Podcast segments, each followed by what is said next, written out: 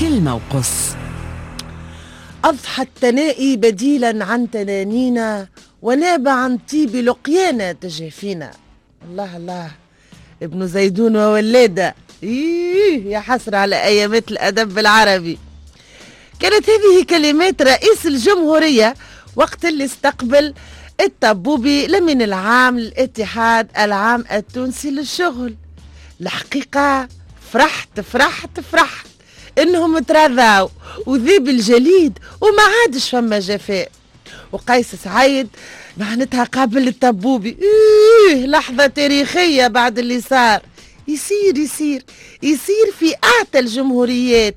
نتراشقوا نتراشقوا نتراشقوا نتبادلوا الاتهامات. وكذا والاتحاد يقول لك الاستاذ باش نلتجئوا لكسر العظام. وسعيد يقول لك نريد موت العظام ولا نتحدث عن كسر العظام.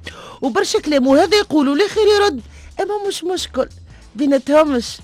توصلوا إنهم ذكرى حشاد الرئيس يحييها وحده والاتحاد وحده. وقواعد الاتحاد غضبانه وبرشا غضبانين على الاتحاد وصار الرئيس فتقوا الاتحاد من بعضه.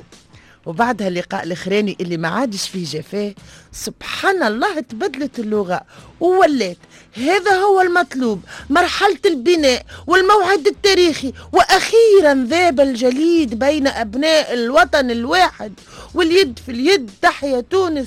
أبا يا بيا بيا بيا بيا بيا بقواكم في ساعة تتقلبوا في ساعة في ساعة تتقلبوا. لا عنينا هيا برا بركي وفي انتظار ما ستؤول إليه الأمور خاطر البلاد على سفيح ساخن بدا يغلي عنده مدة والاتحاد يأكد على أن الوضع الاقتصادي والاجتماعي متردي ولازم حل ووضع الحريات أموره ما هياش وسعيد ومجموعته غاطسين في الاستشارة اللي توا هاني كما كنت نسمع من عند خويا سي وسيم إذا كان عندك ligne باسمك تنجم تكون في الاستشارة sinon ما يتشملكش الاستشارة.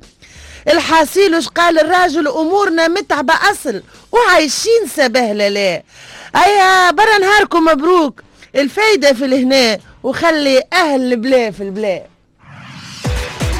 كلمة وقص.